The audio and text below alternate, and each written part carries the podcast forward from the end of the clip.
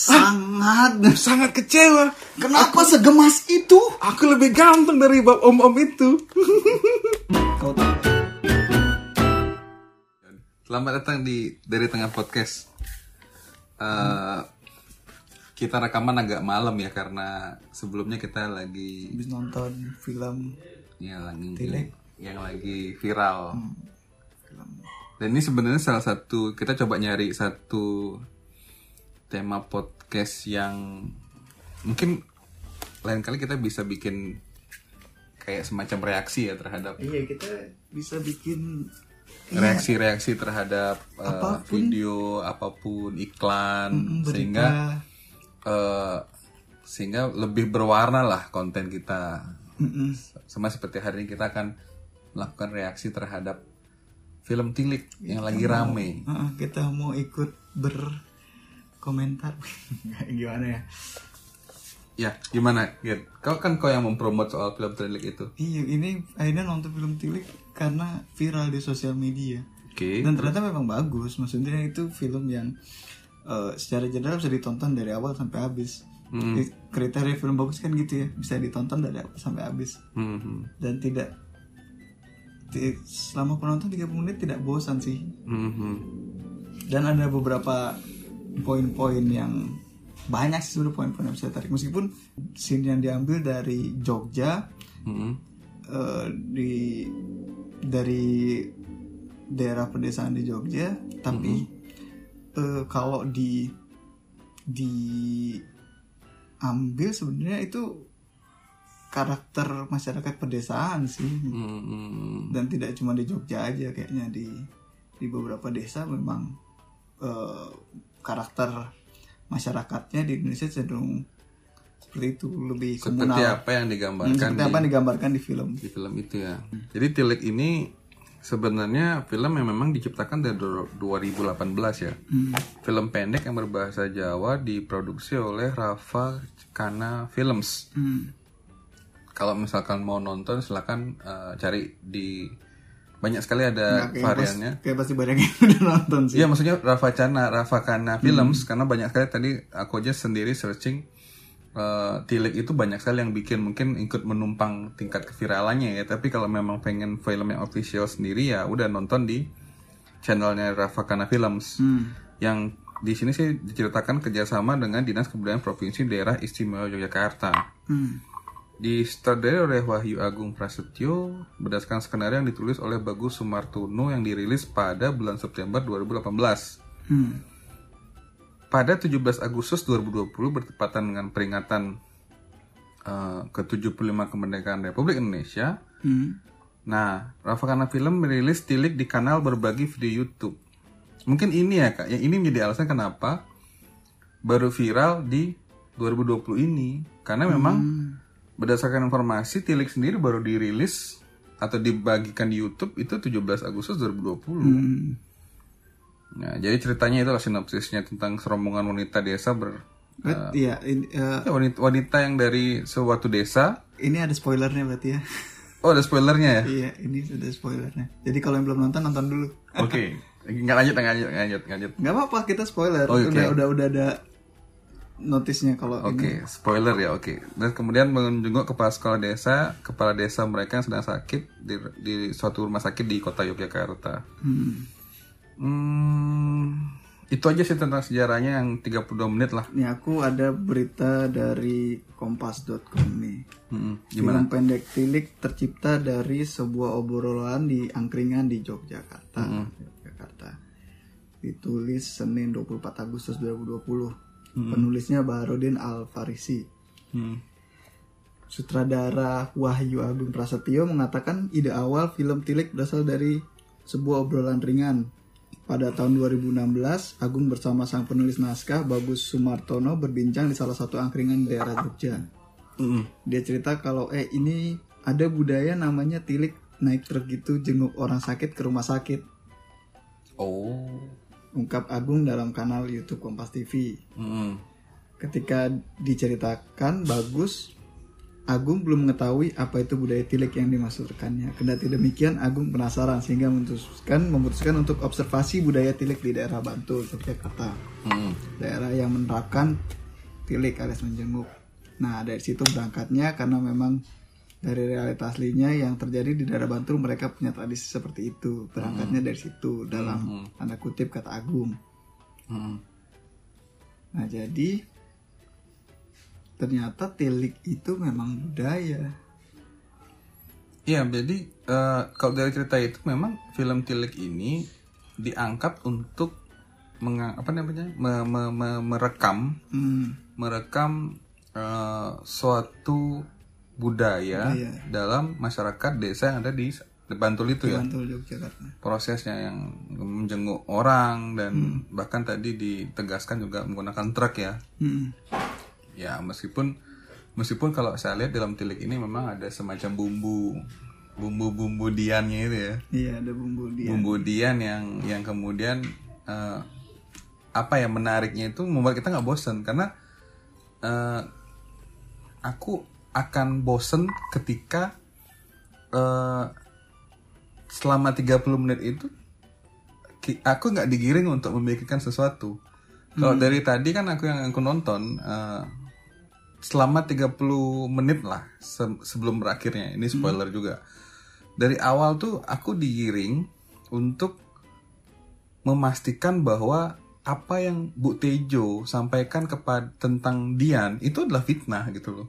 Aku seolah-olah digiring dan di- dibuat oleh si pembuat film ini eh, untuk bahwa ya ini Bu Tejo ini memang fitnah nih. Hmm. Salah satu ca- tekniknya adalah dengan eh, membangun karakter Bu Tejo yang memang benar-benar seolah nggak usah dipercaya gitu loh.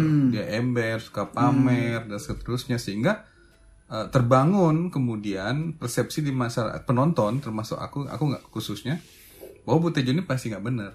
Hmm. Nah, menariknya di menit terakhir eh, persepsi itu kalau di stand up komedi ya, jadi setupnya dibangun dulu, di menit terakhir di di di twist, Hmm. di di twist. di, di twist bahwa memang benar ternyata si Dian ini adalah eh, apa istilahnya Kalau dia kata Bu Tejo orang gedah. Ah, ah, dia sudah memiliki seorang pasangan yang eh, yang lebih eh, tua lah. Meskipun kalau dalam statusnya itu kalau nggak salah ini orang tu- ara- ayahnya Mas Fikri ya. Hmm. Ayahnya Mas Fikri yang juga eh, su- mantan suami dari Bulurah. Jadi sebenarnya tidak ada istilah Rebut merebut pelakor ya, tapi lebih kepada memang eh, kultur masyarakat yang Tapi nggak tahu juga Will itu sejarahnya dia sebelum cerita Nggak, artinya- itu artinya- ibu dan bapak ini berpisah karena Ya artinya itu kan tidak diceritakan. Cuman Nah, yang itu menariknya tidak itu dari selama tiga kan kalau enggak kan 32 menit tuh. Hmm. Selama 30 menitan tuh a- aku sebagai penonton tuh digiring ya Digiring. untuk Memang, memang. untuk me- me- memvonis bahwa ibu Tejo ini Bu Tejo ini fitnah gitu loh. Antagonis. Ah, ah, antagonis. Meskipun memang sebenarnya bukan posisinya soal- antagonis Iya, di film. Dia justru diposisikan sebagai antagonis sehingga aku menyimpulkan bahwa ini kayak ini kayak nggak bener deh. Ah, Nah menariknya lagi di menit terakhir ketika kan gini ya kalau kalau aku ya aku kan dulu juga SMA bikin film ya makanya aku terkenang beberapa kali membuat film pendek itu adalah bagaimana membuat penonton itu menyimpulkan sesuatu dan ketika di akhirnya kita balik Iya. balik apa yang opini jadi eh, alurnya nggak bisa ditebak. Hmm. itu makin itulah eh, istilahnya yang aku dapat pelajaran dulu itu bikin film yang mengesankan tuh di situ. Sehingga kita bikin sesuatu yang orang susah nebak. Nah, bagiku ini film yang susah nebak akhirnya karena awal awalnya tebak-tebakan tuh gampang. Nih kayaknya nggak bener nih. Ini kayaknya nggak bener. Ternyata Tapi di ending ternyata di ending. Iya, dan dan aku yakin gestur dari adegan itu bukan gestur seorang teman, bukan gestur seorang orang tua, ya itu kan gestur memang sepasang uh, yang kekasih lah istilahnya. ditambah dengan ditegaskan oleh naskahnya, naskahnya kan sudah jelas juga kata-kata si perempuan itu. Iya, yang apanya Ma- Mas Fikri mesti di apa namanya? Eh, aku udah gak kuat lagi Pak. Ah itu dah. Itulah artinya Mas Fikri mesti sadar bahwa bapaknya akan menikah lagi. Heeh, gitu. Jadi seru. Eh, Menurutku, menurutku di situ sih eh, serunya eh, bagaimana sutradara film ini memainkan opini penonton sih. Tapi tetap bisa me- me- mengcapture budaya tilik itu gitu. Kalau aku gitu sih. Iya, bu- budaya tilik itu kalau aku lihat ini s- keseluruhan filmnya. Ya, Karena itu itu itu kalau yang mau dikonservasi adalah budaya tiliknya sangat dapat karena itu dari awal sampai akhir ya. s- tentang perjalanan ibu-ibu satu kampung yang ingin menjenguk lurah di kota kan yang dicolok di rumah sakit. menggunakan truk satu yang Tapi- kemudian hmm, gimana? Iya, tapi Hmm. di dalam 30 menit ini gak cuma tilik budayanya beli bel banyak ternyata yang diambil yang dia yang dimasukkan di sana Hmm, hmm, hmm. dari mulai eh, Gibah. gibahnya itu Sebagai sebagai spoiler juga, gibah itu adalah gosip ya. Ya gibah itu Bukan gosip bener ya, gibah. pembicara apa cara berbicaranya yang mana itu sangat karakter Indonesia sekali komunal cepat merambat. Hmm, kayak CCTV. Eh, terus yang kedua ya itu eh, apa namanya ketika kebelat berhentinya di musola. Mohon maaf nih bukan gimana gimana Indonesia kan cuma dua kadang. Tiga tiga sorry tiga. Hmm, hmm. pom bensin ini market ya atau kalau yang muslim biasanya musola sih karena tempatnya di daerah muslim. Terus eh, ketiga ketiga yang aku ambil juga eh, polisi. Ya. itu meskipun absurd di bagian polisi itu sebenarnya. Dibikin absurd, dibikin absurd. Eh, cuman itu bukan bukan budaya baik ya cuman ada dan itu masuk juga. Ya. Hmm. cuman tapi ada bagusnya juga di mana polisi itu akhirnya memberhentikan eh, kendaraan dan menyebutkan pasalnya dan itu benar Ya, benar. posisinya. Cuman posisi closingnya agak absurd Ya, dari bagian polisi itu. Dorong mobil rame-rame juga Indonesia. Mungkin kalau di luar udah telepon mobil derek kalau modelnya begitu kan. Sedangkan Indonesia eh, bantu dorong. Hmm, hmm. terus ya itu itu itu udah apa eh, bagian-bagian kecil dari budaya yang dimasukkan di Ya, aku aku setuju sih maksudku. Aku setuju bahwa tema besar dari Tilik ini sebenarnya sutradara atau mungkin teman-teman produsernya pengen me- mengcapture ya. Hmm, eh, budaya yang kemudian di dalam di dalam capturean besar itu atau gambar besar itu ada namanya sub atau gambar-gambar kecil. Hmm, yang kemudian terbagi dalam beberapa makanya aku bilang ketika aku dengar eh, kau me- menyatakan bahwa si sutradara ini melakukan observasi sebelumnya dia pasti melihat bahwa dalam proses tilik ini menjenguk ini dalam perjalanan ini pasti ada ngomongin orang ada mengibah itu mungkin. Termasuk salah satunya adalah eh, apa namanya kebelet proses kebelet pipis yang kemungkinan juga beberapa tempat eh, orang memilih di musola atau kebetulan di sana tidak ada apa le- lebih lebih ironi jadinya kan lebih lebih dibangun bisa dibangun ironi kan ketika misalkan eh, ya udah musola eh, dipakai semata-mata hanya untuk singan padahal sebenarnya kan fungsi utamanya ya untuk untuk beribadah untuk kan. beribadah. Ah, nah, meskipun di di film itu pun akhirnya ada sebagian, ada sebagian yang tapi beribadah. tidak tidak semua kan akhirnya. Dan tapi yang dibawa sama produsernya kan bahwa ada si Butejo yang kebelat. Iya ada itu yang diangkat. Cuman mes tapi itu memang memang real sih di Indonesia Iya memang real. Karena memang kan bagaimanapun rumah ibadah itu kan sebenarnya kan rumah itu sah sah saja bukan bukan hal yang buruk Toh sebenarnya. juga mereka memang eh, eh, orang yang di situ kan digambarkan semua ber, ber- berjilbab kan. Jadi Iya yang enggak enggak enggak kupikir posisinya sah sah saja. Yang penting yang penting aku juga kalau dalam perjalanan ke mana ke ke Jawa gitu meskipun aku bukan seorang muslim kadang aku menyambangin eh, tempat musola atau atau atau apa namanya tempat ibadah gereja untuk apa ya? Sekedar meminjam toilet kan sah sah saja kupikir ya. Nggak, aku pikir sah sah saja karena kan justru di situ get menariknya bahwa Indonesia ini eh, diuntungkan dengan memiliki banyak keanekaragaman budaya dan agama aku ya, pikir Jadi, karena kita tidak seperti di aku yang, sih yang penting jangan yang penting jangan kencing di misalkan kalau misalkan kencing di tempat ibadah jangan di tengah jangan gitu kan. Eh, salah. iya. Tolong ya jangan di sembarang tempat kan iya misalnya di pohonnya atau apa. Kan setiap musola kan pasti ada fasilitas kamar mandi. Nah aku pikir itu sih gambar-gambar kecil. Cuman terus terang aku agak aneh gitu maksudku dengan? ini kan ceritanya mobilnya mogok. Mm-mm. dan dia dorong kan. Mm.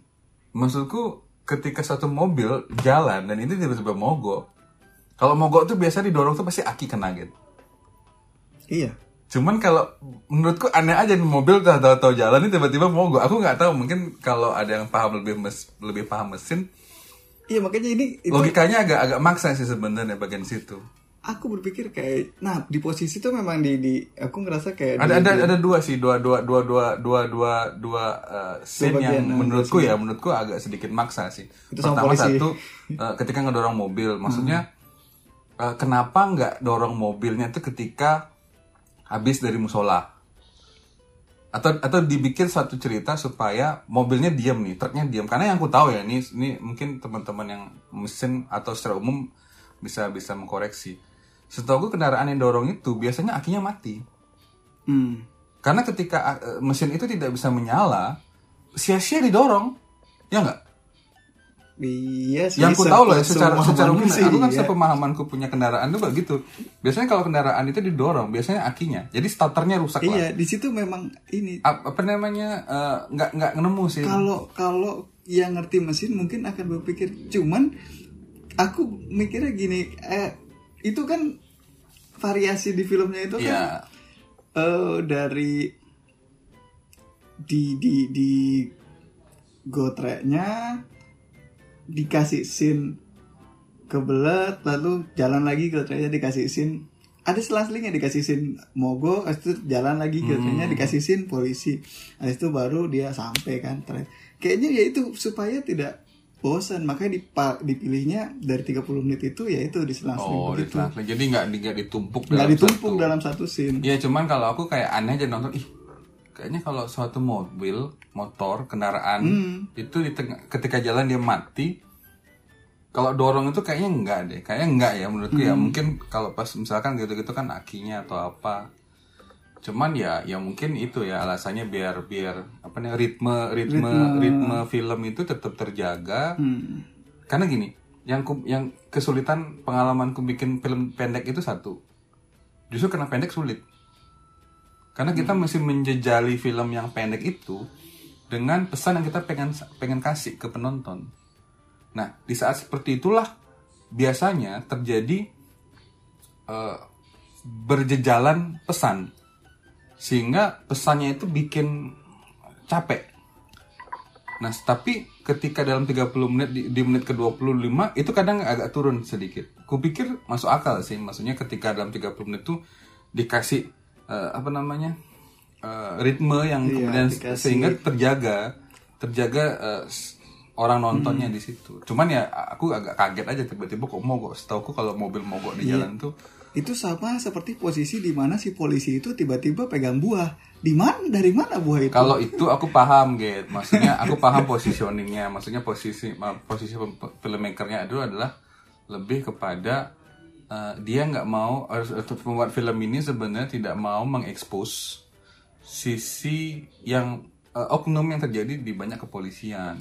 Ya aku tidak bicara ke, oknum ya, aku bicara oknum dalam konteks bahwa setiap bidang ada oknumnya.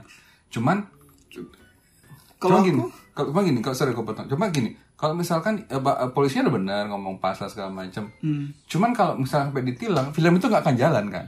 iya Cuman tetap mesti dibangun bahwa film, si ibu-ibu ini mesti jalan nih ke rumah sakit.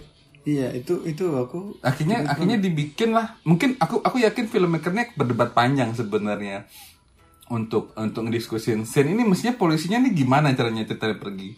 Karena eh, kalau kalau nggak ada polisi juga nggak menarik ceritanya. Tidak menegaskan bahwa apa yang mereka lakukan ini salah gitu loh. iya di mata hukum Salah kan?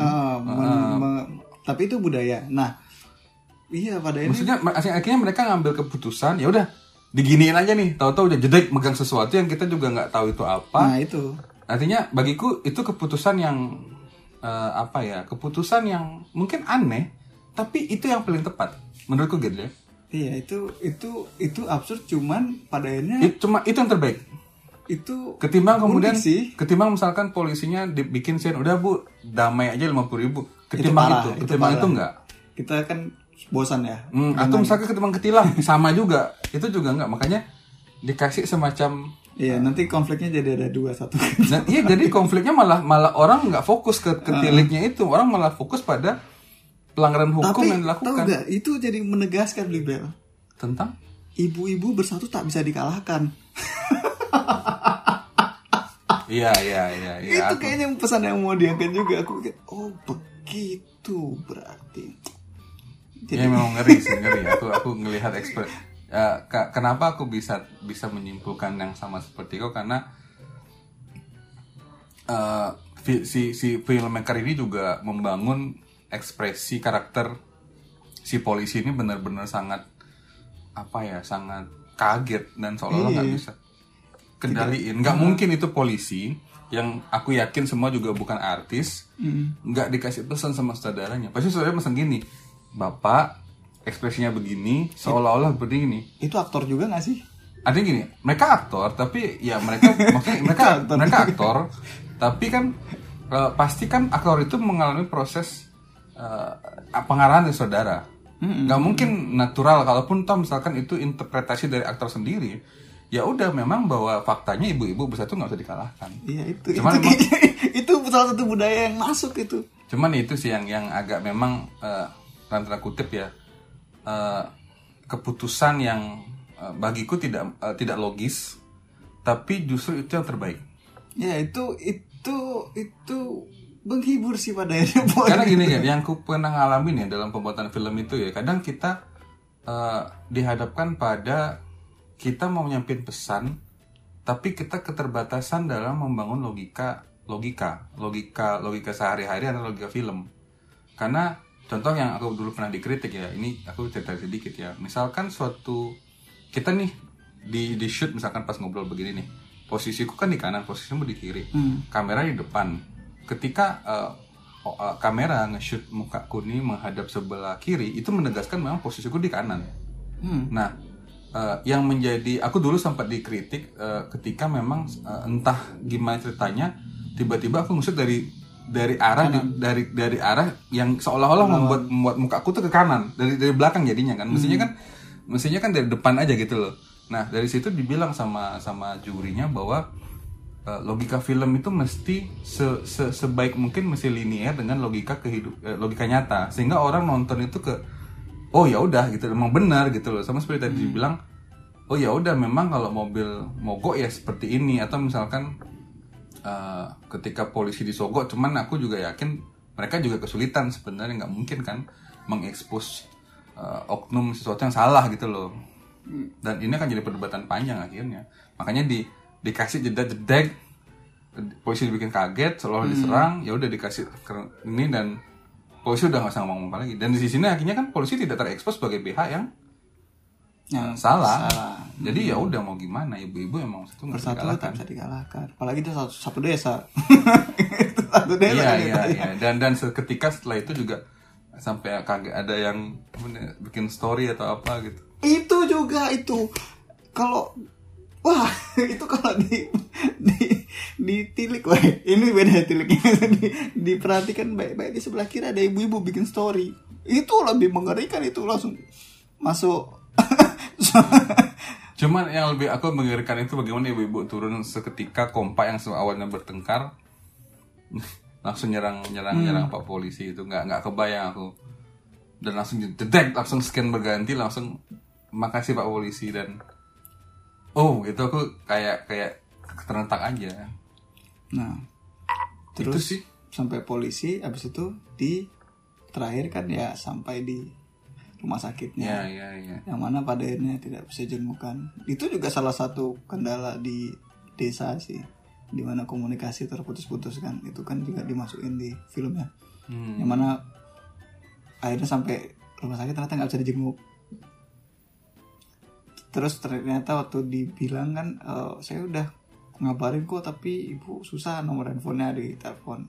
Hmm, baterainya habis katanya tapi sebelumnya kan sempat diangkat cuman kan Putus. putus-putus itu Indonesia juga punya desa Artinya tidak stabil lah ya, karena kan Butejo sendiri kan dari awal juga digambarkan sebagai orang yang melek internet. Artinya gini, desanya juga ada internet, cuman mungkin secara coverage atau, atau jangkauan uh, provider itu mungkin tidak stabil.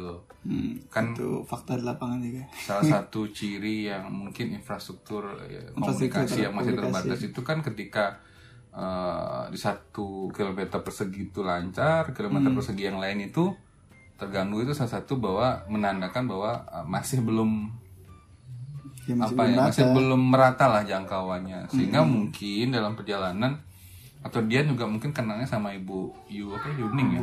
Yuning ya? Mm-mm. itu cuman kenalnya itu aja. Tapi kayaknya juga dari, dari terus terang aku aku tuh sebenarnya eh klimaksnya itu ketika ah, kalau aku ya ini aku ya kalau aku merasa klimaksnya itu adalah ketika Bu Yuning itu kalau nggak salah itu merasa saya salah nggak sih Hmm, itu terakhir itu. Enggak, enggak, ya itu dari, dari, sebenarnya dari, dari cara dia ngomong itu menegaskan bahwa atau ya, atau adegan itu membuat penegasan kepada opini yang dibentuk oleh penonton. Ngerti nggak? Hmm, Jadi opini yang selama selama 30 menit sebelumnya itu terbangun dari penonton bahwa Hmm. eh, apa namanya? hmm, ini Bu Tejo nih nggak ada nggak ada. hmm, ini buat aja nih hoax. Ah, ah, hoax nih. Itu langsung buang, langsung langsung di langsung langsung kayak di di Dibenturkan dibenturkan, dibungkus langsung ditutup.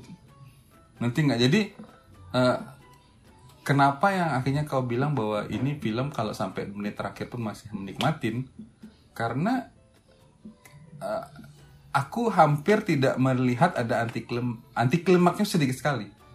Anti klimaksnya itu cuman eh iya, kayaknya nggak ada anti klimaks malah. Jadi ketika langsung di dinaikin eskalasinya kan, eskalasinya dinaikin tak tak tak, tak di puncak, terus di di twist pak langsung dibungkus tutup dengan kredit. Bagiku ya itu sih memang eh, mereka berhasil ya memberikan apa namanya ya, memberikan atau mem- membawa penonton pada uh, terjaga pada ritme 30 menit itu. Aku pikir berhasil sih. Iya. Karena kelemahan contoh kayak gini kita bikin podcast nih ya. 20 menit misalkan. Karena kan ada beberapa ritme yang down segala macam. Hmm, nggak stabil lah. ya makanya wajar film ini punya Punya atensi yang yang banyak yang besar. Mm-mm. Sehingga sebelum terakhir kita tonton per tanggal berapa sekarang? 24 Agustus itu 11 juta gitu. 11 juta 11 ya. juta. Kau tadi bilang 10 juta. Aku- Sembilan, aku tadi Sembilan, siang itu sembilan. sembilan juta Sekarang udah Bel. 11 juta. Tiba-tiba malam sudah 11 itu keren sih. Iya, keren keren. keren. Keren nilai nilai yang mau diangkat dan aku sempat baca ada yang kritik Mm-mm. bahwa film ini eh, kurang bagus. Aku nggak sebut ya, kurang bagus karena gini eh, di akhir padanya yang menyebar hoax yang Benar. benar. Ah, Eh, cuman kalau menurutku ini tidak apa ya, itu tidak menjadi hoax pada akhirnya ketika benar. Iya. Jadi sesuatu hal yang buruk ketika diceritakan dan itu benar itu fakta. Nah, itu dia Get. Maksudnya gini, yang yang komentar itu Hmm. sebenarnya tergiring oleh 30 menit awal dari filmmaker. Ah. Karena yang terpenting kalau aku yang baca, aku yang baca, aku- kalau menurutku ya pers- eh, menurutku sebenarnya bukan soal eh, si Dian tuh bukan per- tidak didudukan dalam posisi salah dan benar ketika dia mungkin berpasangan dengan, dengan usia lebih tua gitu kan bagiku tidak tidak salah sebenarnya. Cuman kan di situlah kemudian eh, si pembuat film itu berhasil menjebak menjebak penontonnya. Dan aku yakin yang terakhir aku lihat tadi tadi aku diskusi ada ya 7000 orang yang dislike dalam YouTube. Itu berarti dugaanku nah dugaanku mereka tuh ke kejebak dengan cara bagaimana film itu dibuat. Ya mungkin mereka akan berharap bahwa sebenarnya si Dian itu salah itu apa nih Butejo itu salah dengan menggambarkan dia ternyata kaget di akhirnya. Dan seolah-olah akhirnya kayak- aku yakin yang yang tujuh tujuh ribu dislike itu atau mungkin nanti lebih ini ya kelompok-kelompok uh, konservatif lah istilahnya yang yang kemudian sepakat bahwa uh, Dian itu salah. Tapi bagiku Dian itu nggak salah sih. Serius bagiku Dian itu nggak salah. Karena kenapa? Pertama posisi suami itu udah duda. Dan kupikir sah-sah saja gitu loh menurutku sih sah saja Tapi tapi gue sih apa? Akhirnya katanya Budi Bu Bu Tejo juga tidak salah ketika dibilang eh Bu Tejo yang bilangnya ketika asal tidak mengganggu hubungan rumah tangga keluarga Bukan, di ada lagi yang Setem- eh, yang yang kerudung belakang ah, itu yang yang yang ah. ibu Tejo yang sampai jalan-jalan Yayasan Ibu Tejo. ikut- ah nggak ikut dorong Ah, nggak ikut dorong. Nah itu dia le- lebih benar maksudnya ini ibu-ibu ngomongin itu mungkin karena takut tapi tapi budaya Indonesia begitu kolektif kalau untuk desa. Itu. Tapi aku pikir juga maksudku ya itu. Maksudnya aku yakin yang 7000 yang dislike itu ataupun berapapun dislike nanti eh, pen- pendengar ini akan tonton aku pikir yang tadi terjebak. Sehingga eh, dia kaget dan terus kecewa ketika mengetahui ternyata Dian itu beneran bahwa dia adalah punya hmm, kedekatan dengan eh, orang yang lebih tua. Yang di mana secara kebiasaan di Indonesia itu sebenarnya sebenarnya nggak juga. Banyak kok kayak di kampung-kampung misalkan yang aku tahu ya kampung-kampung di daerah-daerah desa itu memang banyak yang menikah atau mungkin punya istri yang kedua ketiga. Itu kan pasti relatif jaraknya jauh gitu loh. Di desa itu aku aku pernah get punya aku aku ada ada tempat ke warung yang orang orang sering eh, di sebuah kampungnya dia dia cerita bahwa aku eh, ibunya cerita bahwa ibunya menikah umur 19 tahun. Dan dan di kampung itu biasa kemudian istri kedua istri ketiga yang jarak usianya jauh. Dari artinya gini sepanjang misalkan tidak apa nama pelakor gitu misalnya ekstrimnya gitu loh. Bagiku sah sah saja cuman ya itu kaget mungkin ya sehingga eh, ketika di akhir ya udah dislike. Kupikir itu yang bikin dia dislike. Tapi justru itulah yang membuat kemudian film ini menjadi menarik gitu loh. Ngerti nggak jadi karena karena kenapa eskalasinya tuh langsung dibalik dan dibungkus segitu aja gitu loh. Karena yang yang yang jadi gini kalau kayak stand up comedy itu kan ketika eh, apa namanya suatu suatu stand up comedy yang atau beat beat stand up yang ngena itu kan ketika mampu mematahkan ekspektasi yang udah dibangun. Jadi dibangun dulu ekspektasi setup dibangun terakhir dibalikin. Dan itu kena. Nah aku pikir di situ sih.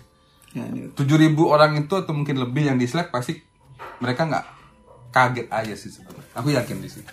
Mereka tidak berbahasa. Mereka terjebak pada konservatisme karena gini konservatisme itu kan bagian dari budaya semua negara punya orang-orang itu kita nggak tahu siapa yang dislike enggak aku yakinnya di situ. Coba nanti lihat komentarnya. Pasti rata-rata mereka sedang kutip ya mereka tidak sepakat bahwa dia ini akhirnya diputuskan atau dalam di film itu dibuat memang benar kata Bu Tejo saya aku juga kaget tapi aku selama mikir nggak salah kok. Sah-sah saja kan gitu maksudku. Cuman yang sebagai laki-laki kecewa aja gitu. Sangat. Sangat kecewa. Kenapa segemas itu? Aku lebih ganteng dari bab om-om itu.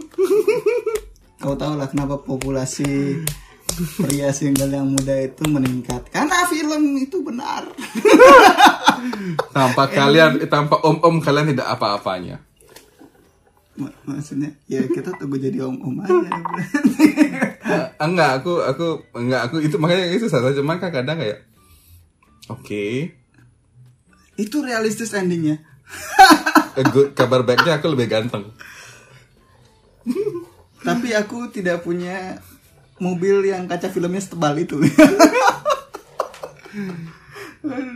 Oke itu dulu itu dari dari tengah Iya, kayak tapi kayak hebat hebat aku produser ya aku aku aku hebat. Meskipun ada ada ada dua semua, poin semua ada po- ada dua poin yang yang buat aku kaget tapi aku yakin keputusan yang diambil untuk bikin aku kaget itu maksudnya yang yang eh, dorong mobil sama dorong truk sama yang poin itu keputusan sulit yang diambil sih.